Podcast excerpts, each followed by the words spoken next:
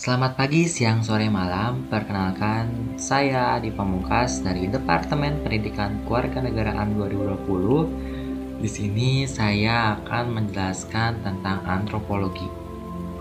Antropologi adalah studi tentang kemanusiaan. Antropologi berasal dari ilmu alam, humaniora, ilmu sosial. Istilah antropologi berasal dari bahasa Yunani, anthropos yang berarti manusia, dan logia yang berarti wacana atau studi. Dan pertama kali digunakan oleh Francois Peron ketika mendiskusikan pertemuannya dengan suku aborigin di Tasmania. Di Amerika sendiri, antropologi kontemporer biasanya dibagi menjadi empat subbidang, meliputi antropologi budaya, arkeologi, antropologi linguistik, dan antropologi fisik atau biologis. Subbidang sosial dan budaya telah dipengaruhi oleh teori struktualis dan postmodern, serta bergeser ke arah analis masyarakat modern. Karena perbedaan epistemologi ini, antropologi sebagai disiplin ilmu telah berkekurangan kohesi selama beberapa dekade terakhir. Hal ini bahkan menyebabkan perbedaan departemen, misalnya pada tahun akademik 1998 sampai 1999 di Stanford University di mana ilmuwan dan non-ilmuwan dibagi menjadi dua departemen. Pertama antropologi dan antropologi budaya dan sosial. Lalu departemen ini pada tahun akademik 2008 sampai 2009 bersatu kembali. Antropologi secara tradisional dibagi menjadi empat subbidang, masing-masing dengan cabang lebih jauh, antropologi biologis atau fisik, antropologi sosial atau antropologi budaya, arkeologi, dan linguistik antropologi. Bidang-bidang ini sering tumpang tindih, tetapi cenderung menggunakan metodologi dan teknik yang berbeda. Antropologi biologi atau antropologi fisik berfokus pada bidang populasi manusia dengan kerangka evolusi. Banyak antropologi biologi yang mempelajari populasi manusia modern mengidentifikasi bidang mereka sebagai ekologi manusia yang terkait dengan sosial biologi. Lalu antropologi budaya yang disebut juga antropologi sosial budaya atau antropologi sosial khususnya di Inggris Raya. Subbidang ini adalah studi tentang budaya dan terutama didasarkan pada etnografi yang merupakan ilmu tentang pelukiskan kebudayaan suku-suku bangsa yang tersebar di bumi. Arkeologi adalah studi tentang budaya material manusia termasuk artefak atau potongan budaya manusia yang lebih tua yang dikumpulkan dengan cermat di situ, potongan museum dan sampah modern. Arkeolog membagi waktu menjadi periode budaya berdasarkan artefak tahan lama. Paleolitik, Neolitik, zaman perunggu yang selanjutnya dibagi lagi menurut tradisi artefak dan wilayah budaya, seperti Old One atau Gravettian. Antropologi linguistik juga disebut juga linguistik antropologis berupaya memahami proses komunikasi manusia, verbal dan nonverbal, variasi bahasa lintas ruang dan waktu, penggunaan bahasa secara sosial, dan hubungan antara bahasa dan budaya. Antropologi linguistik dibagi ke dalam subbidangnya sendiri. Pertama, linguistik deskriptif, linguistik sejarah, dan etnolinguistik. Salah satu karakteristik sentralnya adalah bahwa antropologi cenderung memberikan penjelasan fenomena yang secara komparatif lebih holistik dan cenderung sangat empiris. Fokus khususnya antropologi sosial dan budaya telah berubah secara signifikan. Awalnya subbidang ini difokuskan pada studi budaya di seluruh dunia pada 1990-an dan 2000-an panggilan untuk klarifikasi tentang apa yang merupakan budaya, tentang bagaimana seorang pengamat tahu di mana budayanya sendiri berakhir dan budaya lain dimulai. Dan topik penting lainnya dalam menulis antropologi didengar. Antropolog biologi tertarik pada variasi manusia dan kemungkinan universal manusia atau perilaku, ide, atau konsep yang dimiliki oleh hampir semua budaya manusia mereka menggunakan banyak metode studi yang berbeda, Tetapi genetika populasi modern, observasi partisipan, dan teknik lain sering mengambil antropolog ke lapangan yang berarti berpergian ke komunitas dalam pengaturannya sendiri untuk melakukan suatu yang disebut kerja lapangan. Antropologi kontemporer adalah ilmu mapan dengan departemen akademik di bagian besar universitas dan perguruan tinggi.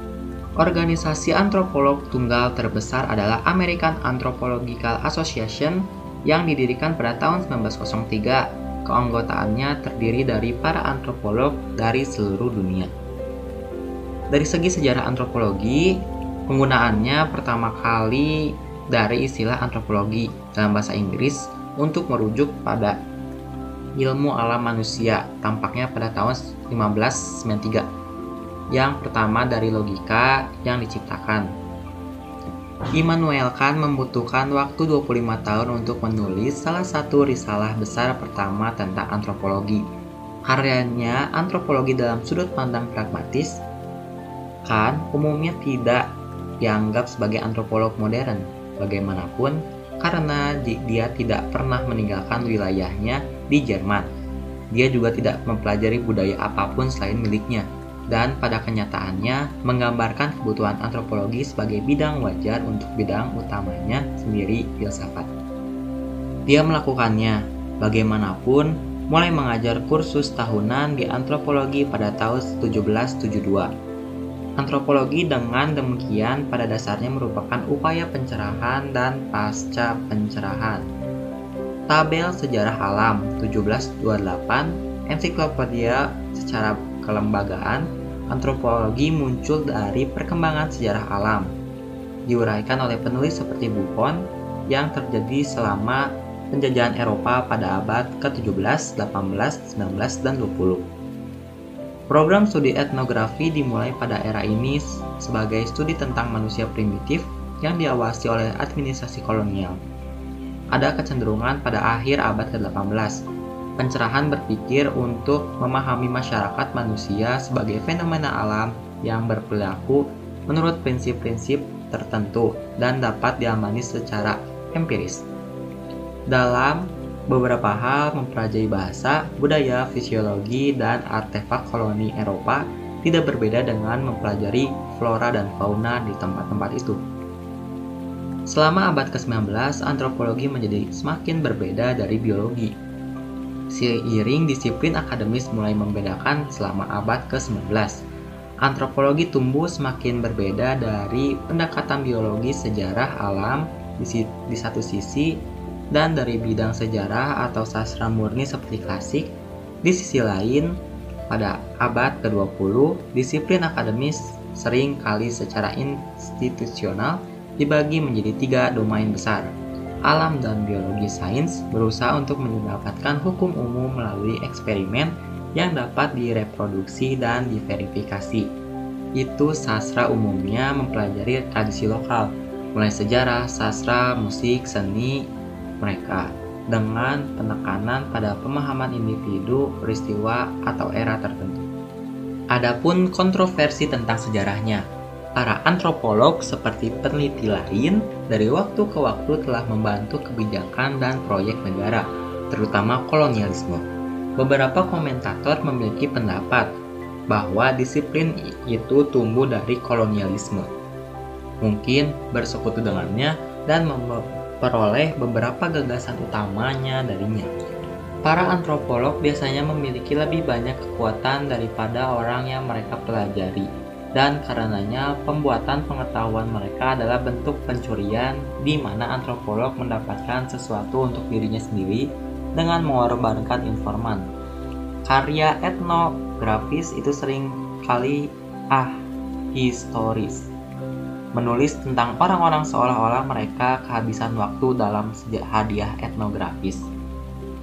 Dari segi militer, keterlibatan antropolog dengan pemerintah Amerika Serikat khususnya telah menimbulkan kontroversi pahit dalam disiplin ilmu tersebut. Franz Boas secara terbuka keberatan dengan partisipasi Amerika Serikat dalam Perang Dunia I dan setelah perang ini menerbitkan paparan singkat dan kecaman atas partisipasi beberapa arkeolog Amerika dalam spionase di Meksiko di bawah kedok mereka sebagai ilmuwan. Tetapi pada tahun 1940-an, banyak antropolog sezaman Boas yang aktif dalam upaya perang serumpun melawan Poros atau Nazi Jerman, fasis Italia, dan Kekaisaran Jepang. Banyak yang bertugas di angkatan bersenjata, sementara yang lain bekerja di intelijen. Pada saat yang sama, karya David H. Price tentang antropologi Amerika selama Perang Dingin memberikan penjelasan rinci tentang pengerjaan dan pemecatan beberapa antropolog dari pekerjaan mereka untuk mendapatkan simpati komunis. Kemudian analisis dan komentar dari saya, budaya termasuk ke dalam subantropologi, yaitu antropologi sosial atau antropologi budaya. Menurut Anthony Wright, negara Indonesia merupakan negeri di bawah angin karena pentingnya posisi Indonesia di mata dunia. Keadaan geografis yang strategis ini menyebabkan semua arus budaya asing bebas masuk. Kemudian, ada pun perkembangan kebudayaan yang dipengaruhi oleh beberapa faktor, meliputi lingkungan geografis induk bangsa dan kontak antar bangsa. Indonesia telah memenuhi kedua faktor tersebut sehingga kebudayaan yang ada beragam dan unik. Hal ini dibuktikan dengan hampir semua budaya setiap etnis mulai Asia sampai Eropa ada di Indonesia. Budaya yang masuk itu memperkaya dan mempengaruhi perkembangan budaya lokal yang ada secara turun-menurun. Sekian dari saya. Terima kasih.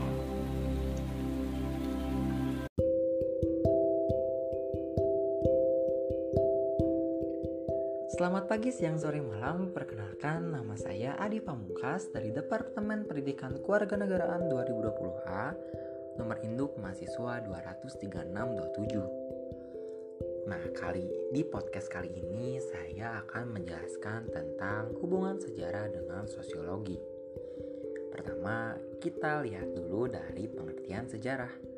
Menurut Kamus Besar Bahasa Indonesia atau KBBI, setidaknya ada tiga poin mengenai pengertian dari sejarah. Di antara lain, pertama, sejarah merupakan asal-usul atau keturunan berupa silsilah atau bagan atau catatan yang menggambarkannya. Kedua, sejarah ialah kejadian yang benar-benar sudah pernah terjadi pada masa lalu.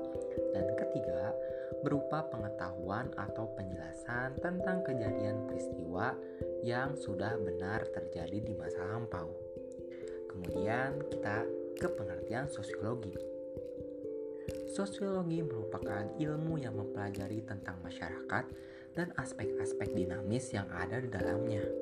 Secara tidak langsung, kita dapat menemukan bahwa objek kajian antara sosiologi dan sejarah tidak jauh berbeda. Namun, sejarah membatasinya dengan konsep ruang dan waktu. Sebagai sesama ilmu sosial yang kajiannya tidak jauh berbeda, maka tidak sulit kita menemukan hubungan-hubungan keilmuan antara sos sejarah dan sosiologi. Sejarah dan sosiologi memiliki hubungan yang amat kuat serta saling mempengaruhi di mana seperti yang dinyatakan Abu Ahmadi Salah satu metode yang digunakan dalam sosiologi adalah metode historis. Dalam metode ini, para sosiolog selalu memberikan persoalan sejarah kepada ahli sejarah dengan melakukan penelusuran terhadap kebudayaan serta struktur masyarakat yang telah lampau. Kemudian diambil contohnya untuk masa mendatang, sehingga ilmu sejarah dipengaruhi oleh perkembangan sosiologi. Oleh karena itu, sejarah dan sosiologi di antara keduanya mempunyai pengaruh timbal balik. Kemudian, sosiologi juga sejarah mempelajari kejadian dan hubungan yang dialami masyarakat atau manusia itu sendiri. Sejarah mempelajari peristiwa masa silam sejak manusia mengenal peradaban. Peristiwa-peristiwa itu kemudian dihubungkan satu sama lain sehingga diperoleh gambaran menyeluruh pada masa lampau, serta mencari sebab terjadinya atau memperkuat dugaan-dugaan tersebut. Selain itu, Sosiologi juga memperhatikan masa silam, tetapi terbatas pada peristiwa yang merupakan proses kemasyarakatan dan timbul dari hubungan antara manusia dalam situasi dan kondisi yang berbeda. Nah, untuk penjelasan dari hubungan sejarah dan sosiologi cukup sekian dari saya. Terima kasih.